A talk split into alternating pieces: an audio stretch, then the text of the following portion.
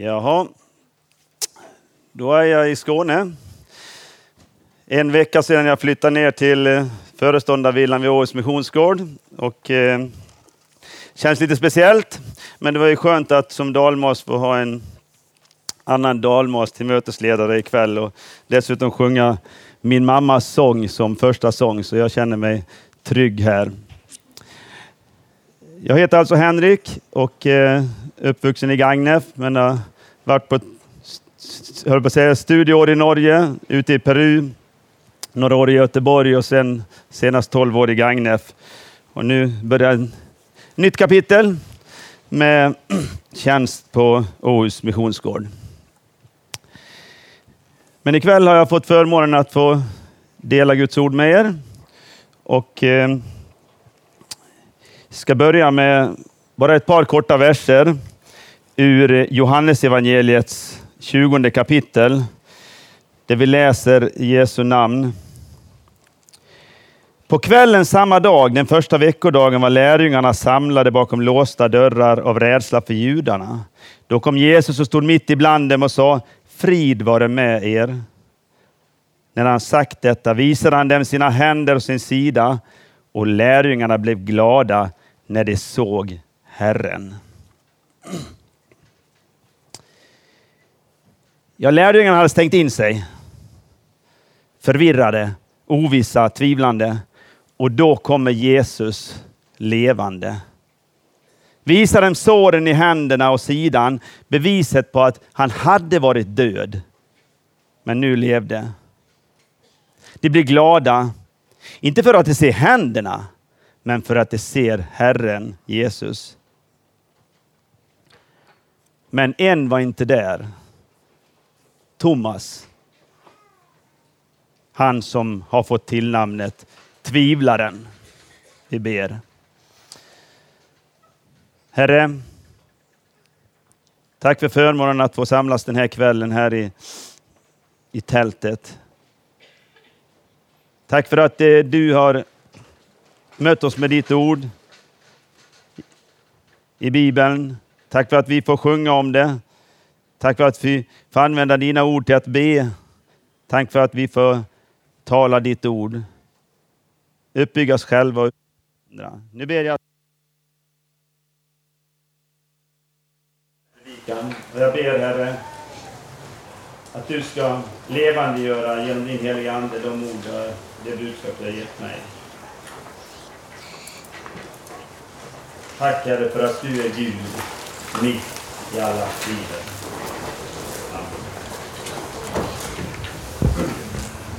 Ja, den lag. Ska jag ta den? Ja.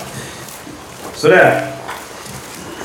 Tvivel har jag skrivit som överskrift här.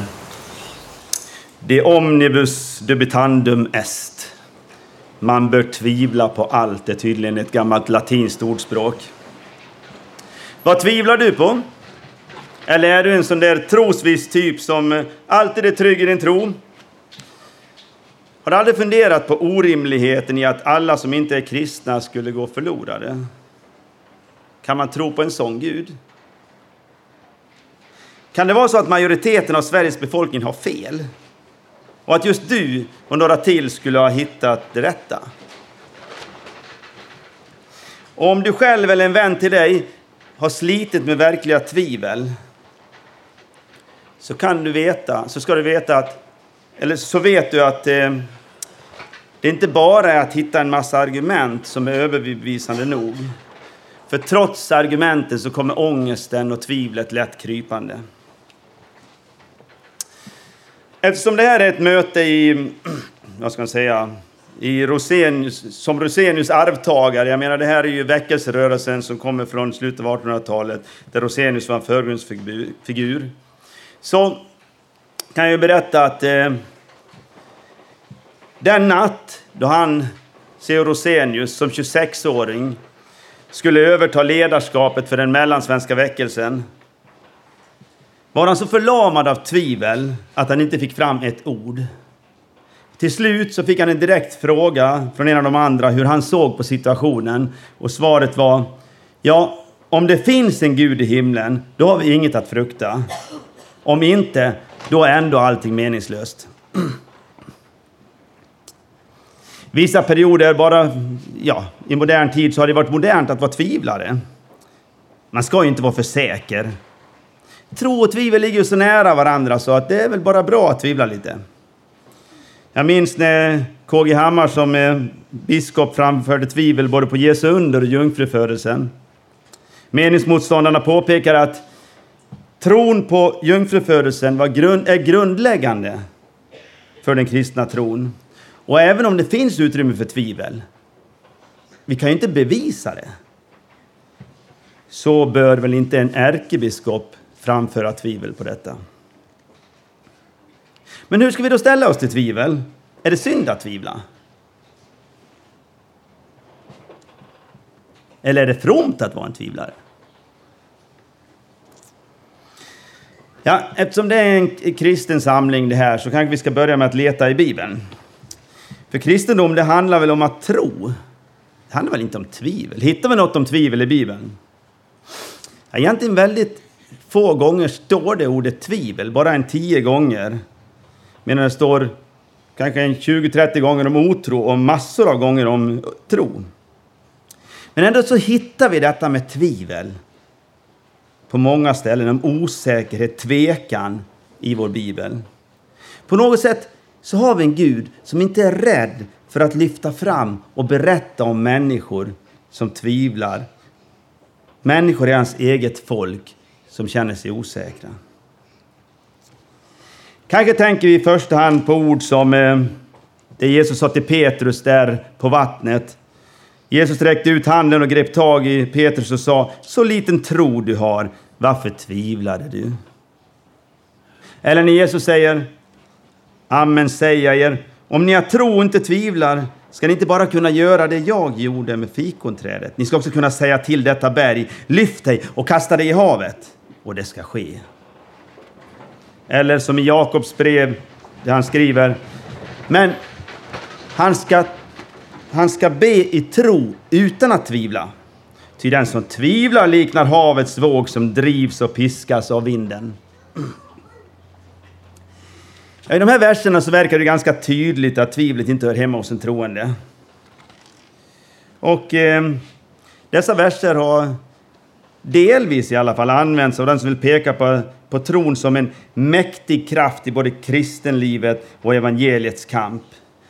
Men samtidigt har den uppfattats som jobbig av den typen av människor som jag många gånger är, som, som liksom inte har den här trosvissheten alltid.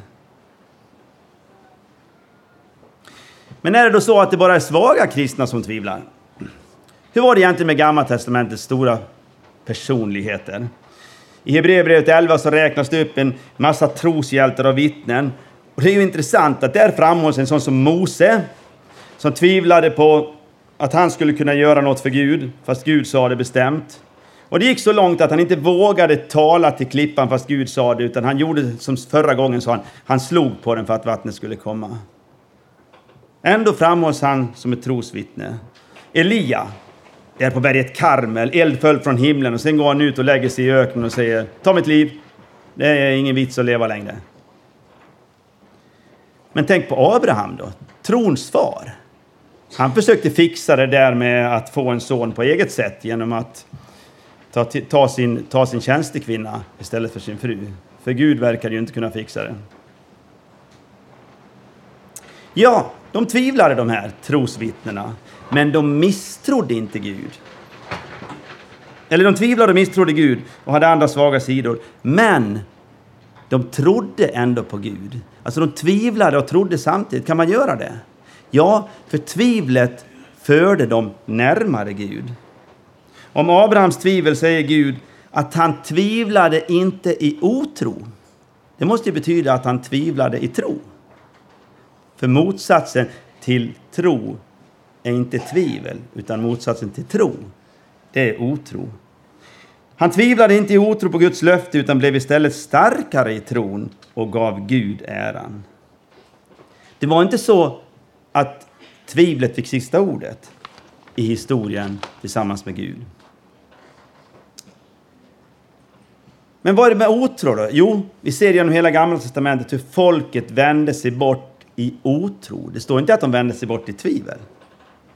De tvivlade inte på att Gud fanns. De kunde ju se det själv. Eld och svavel och rök och molnstod och allt. Men de struntade helt enkelt i honom. De orkade inte med honom längre. Otron vill inte ha med Gud att göra. Men tvivlet, det vill ju så gärna tro. Som, eh, som eh, Nobelpristagaren George Bernhard Shaw sa, den som aldrig har hoppats kan aldrig förtvivla. Den som aldrig har hoppats på något kan heller aldrig förtvivla. Och sen, för att förtydliga, så står det aldrig att den som tvivlar går förlorat. Däremot står det att de fega, de otroende, och de skändliga, mördare, otuktiga, trollkarlar, avgudadyrkare och alla lögnar ska hamna utanför himlen. Därför är det tvivlet och inte otron som ropar ”Jag tror, hjälp min otro”. För det ropet är vänt mot Jesus och då är det någon som handlar i tro, även om man känner tvivlet gnaga. Tar vi en annan grupp på Jesu tid, skriftlärda och fariseerna, så handlade det oftast inte om att så handlade det oftast om att de inte ville tro att de hade fel och att Jesus skulle ha rätt. De ville inte acceptera att Gud kunde tala på ett annat sätt än de hade kommit fram till och föreställt sig. Ett annat exempel är ju Judas. Han tvivlade ju inte på att Jesus hade makt att gå emot de här krigarna eller de här tempelvakterna när de kom. Men han ville tjäna pengar på Jesu makt. Det var inte tvivlet som var problemet för Judas, utan det var otron.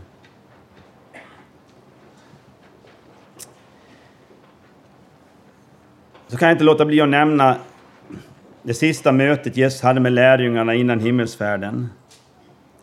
Jesus hade befallt dem att gå till berget i Galileen och när de såg honom tillbad de honom, men andra tvivlade, står det. Då trädde Jesus fram och talade till dem och sa, jag har fått all makt i himlen och på jorden. Gå därför ut och gör alla folk till lärjungar.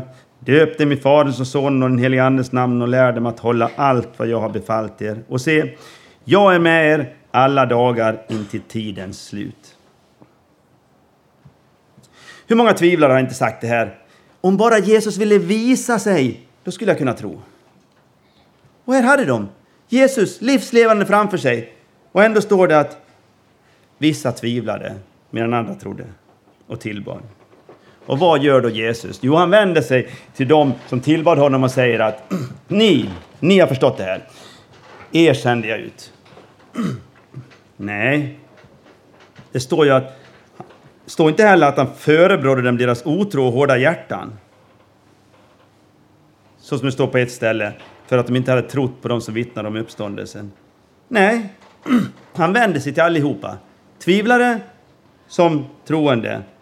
Och visade dem förtroende och lämnade, lämnade över uppdraget om Guds rike till dem. Han gör ingen skillnad här. Kraften och möjligheten ligger alltså inte i dem själva, men i honom som säger jag har fått all makt i himlen och på jorden. Och se, jag är med er alla dagar.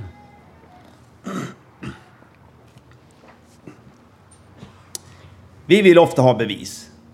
Men leder bevisen alltid till tro? Hur var det i ökenvandringen? Finns det något ställe där Gud har varit tydligare? Varenda morgon kunde de vakna och titta ut genom tältet. Ska vi gå idag? Nej, molnet är kvar. Och det var små regler om varenda liten sak. Gud var supertydlig. Och vad gjorde folket? De avföll. Men det här var ju före pingstdagen.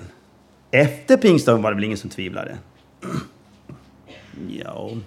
Läser vi Judas brev så står det Sådana som tvivlar ska ni vara barmhärtiga mot. Tvivel finns.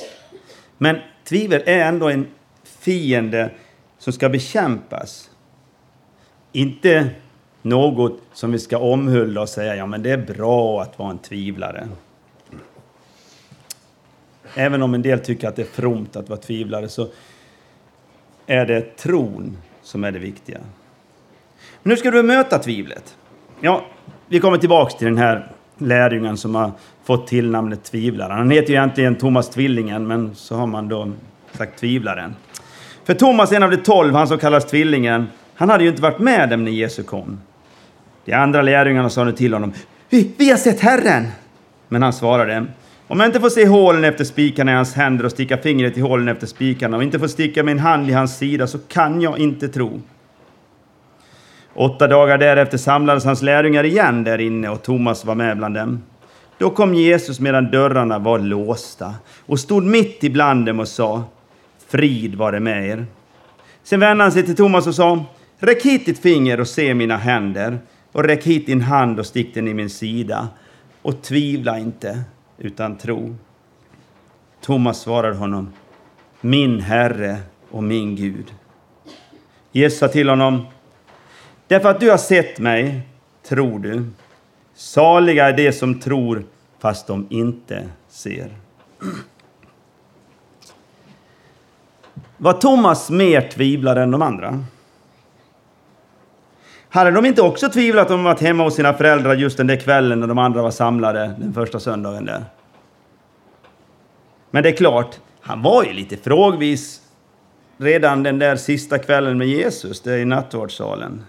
Thomas sa, Herre, vi vet inte vart du går. Hur kan vi då känna vägen? Jesus sa till honom, Jag är vägen och sanningen och livet. Ingen kommer till Fadern utom genom mig. Tack Thomas för din fråga. Då fick vi höra Jesu underbara svar. Vi ska inte vara rädda för att fråga och ifrågasätta, bara vi gör det för att vi verkligen vill ha svar och inte bara för ifrågasättandets skull. Så det vi lär av den här uppståndelseberättelsen är att Jesus inte fördömer tvivlaren utan istället bryr sig särskilt mycket om honom. Tvivlaren är viktig för Jesus, som vill att även han ska kunna tro. Eller åtminstone bli en troende tvivlare. Visst var det kanske lite överdrivet sagt av Thomas det där med att sticka fingret i händerna, men trots det så tar Jesus det på allvar. Medan de andras entusiasm nästan fick motsatt effekt hos tvivlaren. Måste man vara så där trosviss, ja, då kan ju jag bara glömma det. Jesus lät det ta lite tid.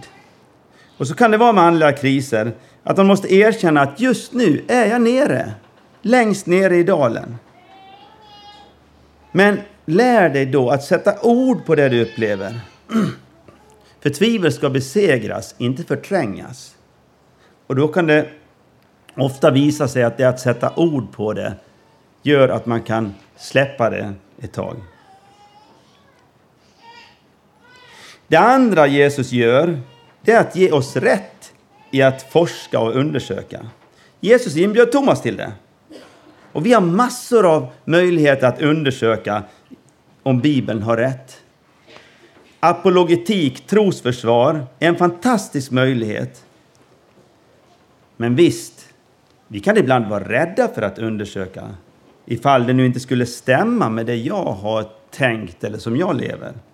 Men om vi ser hur noga Bibelns författare varit med att visa på historiska fakta så förstår vi att det här med att våga undersöka, det är helt rätt väg att gå. Samtidigt när det handlar om tro så får vi inte glömma att det är ett mysterium att Gud blir människa. Och det är något ödmjukande i att vi inte klarar oss själva utan behöver en frälsare. Och eh, sånt kan inte övervinnas med sakliga bevis. Då handlar det istället om att vara ett barn i Guds famn. Vi kan aldrig helt och fullt greppa och förstå varken Gud eller den skapade världen. Då vore ju inte Gud längre Gud. Och därför läser vi Ingen har någonsin sett Gud, men den enfödde som själv är Gud och är hos Fadern, han har gjort honom känd. Tron har alltså en fast grund i honom som själv är sanningen. För bygger vi vår tro på det vi själva känner, det som direkt dyker upp i huvudet när vi möter någonting, idéer, mode och så vidare, så kommer det att falla en dag. Tron vår visshet, vår trygghet måste byggas på något utanför oss själva. Något som vi kan gå till även om jag skakar, även om världen runt mig skakar och faller. Så syftet med att undersöka och forska ska hela tiden vara det Jesus sa, tvivla inte, utan tro. Även om det tar tid, så ska ju målet vara att det är yttre kunskapen som jag får genom den heliga Ande ska skapa ett inre liv i mig. Men det här jag tror att vissa sådana här, ursäkta uttrycket, fromma, fromma tvivlare får panik. För även om de hittat yttre argument och därmed fått svar på det de tvivlar på, så fortsätter tvivlet och ångesten att leva vidare. De, de vill egentligen vara kvar i tvivlet. Det liksom har blivit en livsstil för dem. Sören Kierkegaard sa Erkänn att även om kristendomen är historiskt sann och alla världens historiker gör allt för att visa på detta så är det ändå omöjligt att komma längre än till en viss sannolikhet. Det går alltså aldrig att bevisa och därmed så finns ju tvivlet kvar. Och det beror på att den innersta kärnan i kristendomen inte har med förnuftet att göra, utan har med tro. Till exempel, en obegränsad Gud, hur skulle han kunna bo i en människa som är begränsad? Står att han tog boning i Jesus. Inte enligt förnuftet. Förnuftet kan inte fatta det. Än mindre förstå vad allt detta betyder för oss. Därför har ju tvivlarna på ett sätt rätt i sina frågor. Att det här går inte att förstå.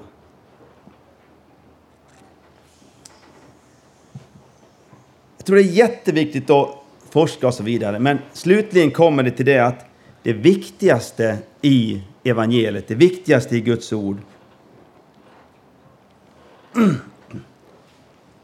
det djupaste problemet för varje människa är ju förhållandet till Gud. Jag är en syndare som innerst inne inte vill vara beroende av Gud. Som inte vill bli en kristen. Ingen förståndig finns. Ingen söker Gud, säger Paulus. Och så länge jag tvivlar så kan ju mitt ego, mitt eget jag, mitt kött hålla Gud lite så här lagom på avstånd. För så länge jag säger liksom att det, det stämmer ju inte riktigt så, så har jag ju liksom argument för att hålla Gud på armlängds avstånd. Jag vill tro att tvivlet handlar om att mitt eget intellekt så gärna vill få att, allt att gå ihop. Men djupast sett är det istället, skulle Gud verkligen ha sagt, skulle Gud verkligen ha menat, som vi läser redan i Bibelns början. Så tvivlet, när det blir mitt skötebarn, då blir det något som jag medvetet håller Gud på avstånd med. För mötet med Gud handlar i första hand om syndabekännelse. Det är inte Gud som är problemet. Det är jag som har problem. Så även om Bibeln på många ställen framhåller den historiska trovärdigheten så är det talet om vem jag är som människa, vem du är som människa och vad vi behöver som tar den största platsen. Synd, förlåtelse och ett nytt liv. Detta återkommer Gud till i varenda ny generation. För bara i det mötet kan vi lära känna Gud på riktigt. Och först där, när du och jag som tvivlar upptäcker att problemet sitter i att vi inte klarar att tro på egen hand, kan Gud föra oss tillbaka. Jag tror att jag inte av eget förnuft eller kraft kan tro på Jesus, står det i den lilla katekesen. Så även om vi uppmanas till att tro, så kan vi inte tro av oss själva. Uppmaningen handlar om att förstå att det är detta Gud vill göra med mig. Och just i det ögonblicket, när jag själv släpper taget och faller i Guds nåd, eller när jag själv tappar fotfästet för att Gud lyfter mig upp i sin famn, då upptäcker jag att jag tror. Det avgörande för Thomas var ju inte att han fick undersöka såren i händerna och sidan. Det var bara ett steg på vägen. Det avgörande var att han såg Jesus och vem han var. Och jag har ofta fascinerats över att Thomas är den första som kallar Jesus för Gud. Kan det vara så att han förstod hur mycket som stod på spel och just därför tvivlade? Han visste att om det här är sant, ja då är det ju bara så helt fantastiskt. Innan jag tar det sista så vill jag sjunga en liten sång för er. Ska jag köra med den micken då också?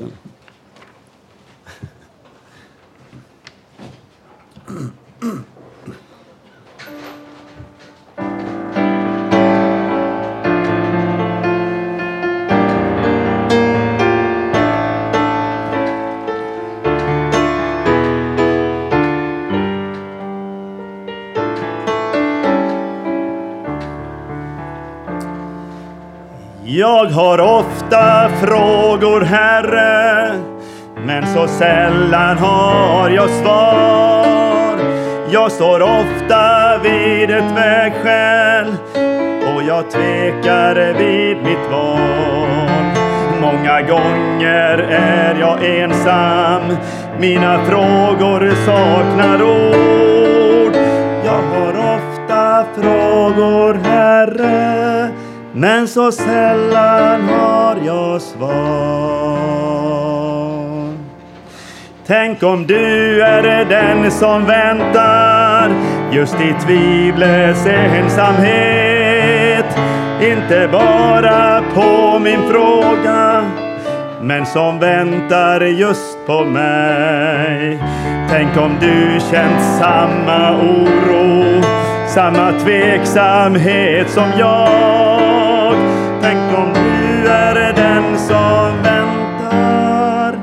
Just i tvivlets ensamhet. Det är nog, o Gud, att veta att jag lever i din hand. Kanske frågorna blir lösta, kanske får det inget svar. Det som ger mitt liv en mening är att du, Gud, vill mitt väl. Det är nog, o Gud, att veta att jag lever i din hand.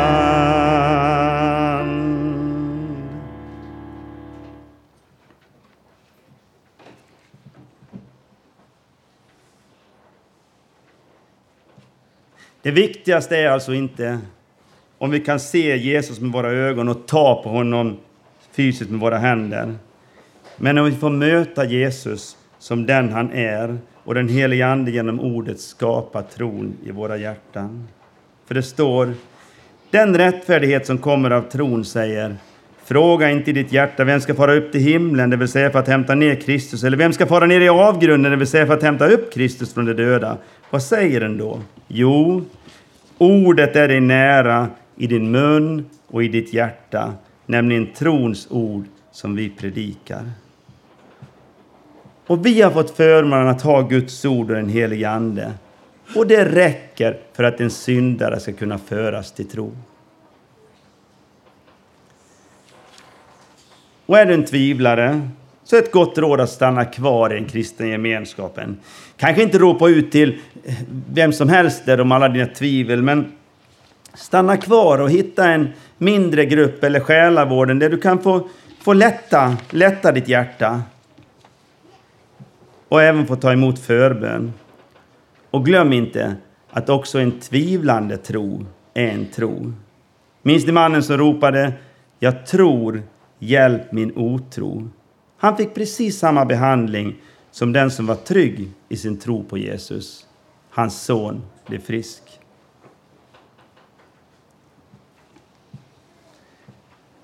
Och på många ställen så jämställs tro med att komma i Bibeln. Den som kommer till mig ska jag aldrig någonsin kasta ut. Och den som kommer till Jesus alltså tror, oberoende av i vilket tillstånd vi är, säger Jesus, de ska aldrig någonsin gå förlorade och ingen ska rycka dem ur min hand. Så det är just det att komma till Jesus, komma in i en relation med honom som kan lösa knutarna.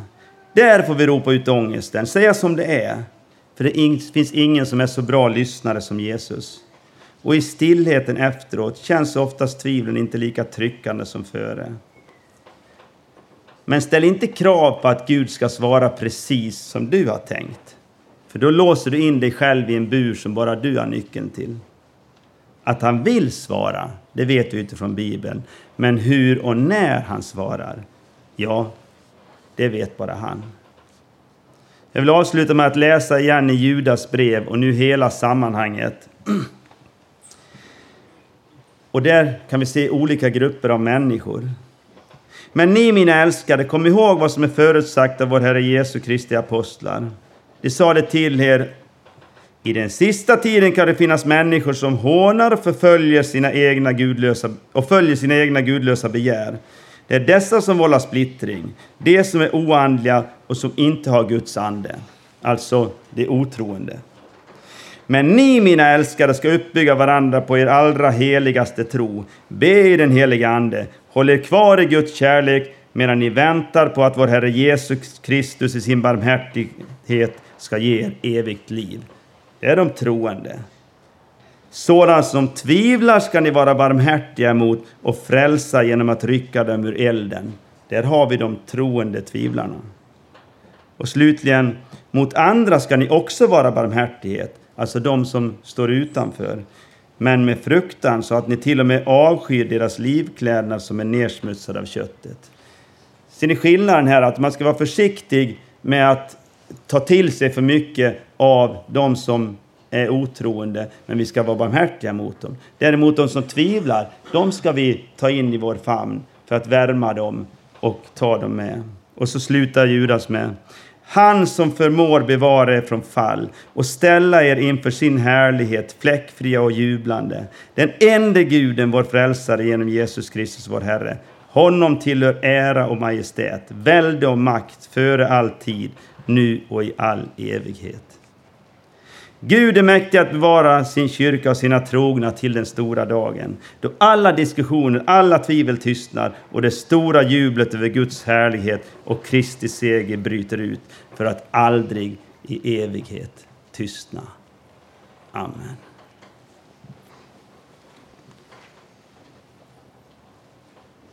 Herre, tack för att du lyssnar både till våra suckar och våra tvivel.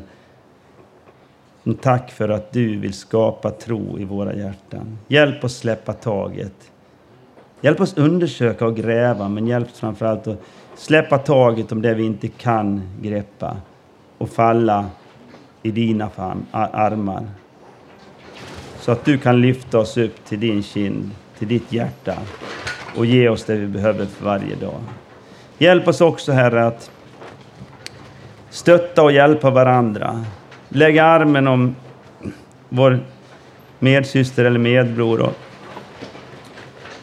bara vara där, lyssnande, bedjande och stöttande när tvivlen, när ångesten kommer.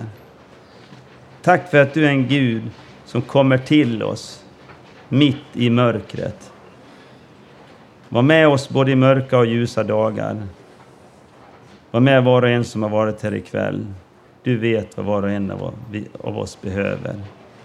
Och för oss alla till tron som leder fram till din eviga härlighet. I Jesu namn. Amen.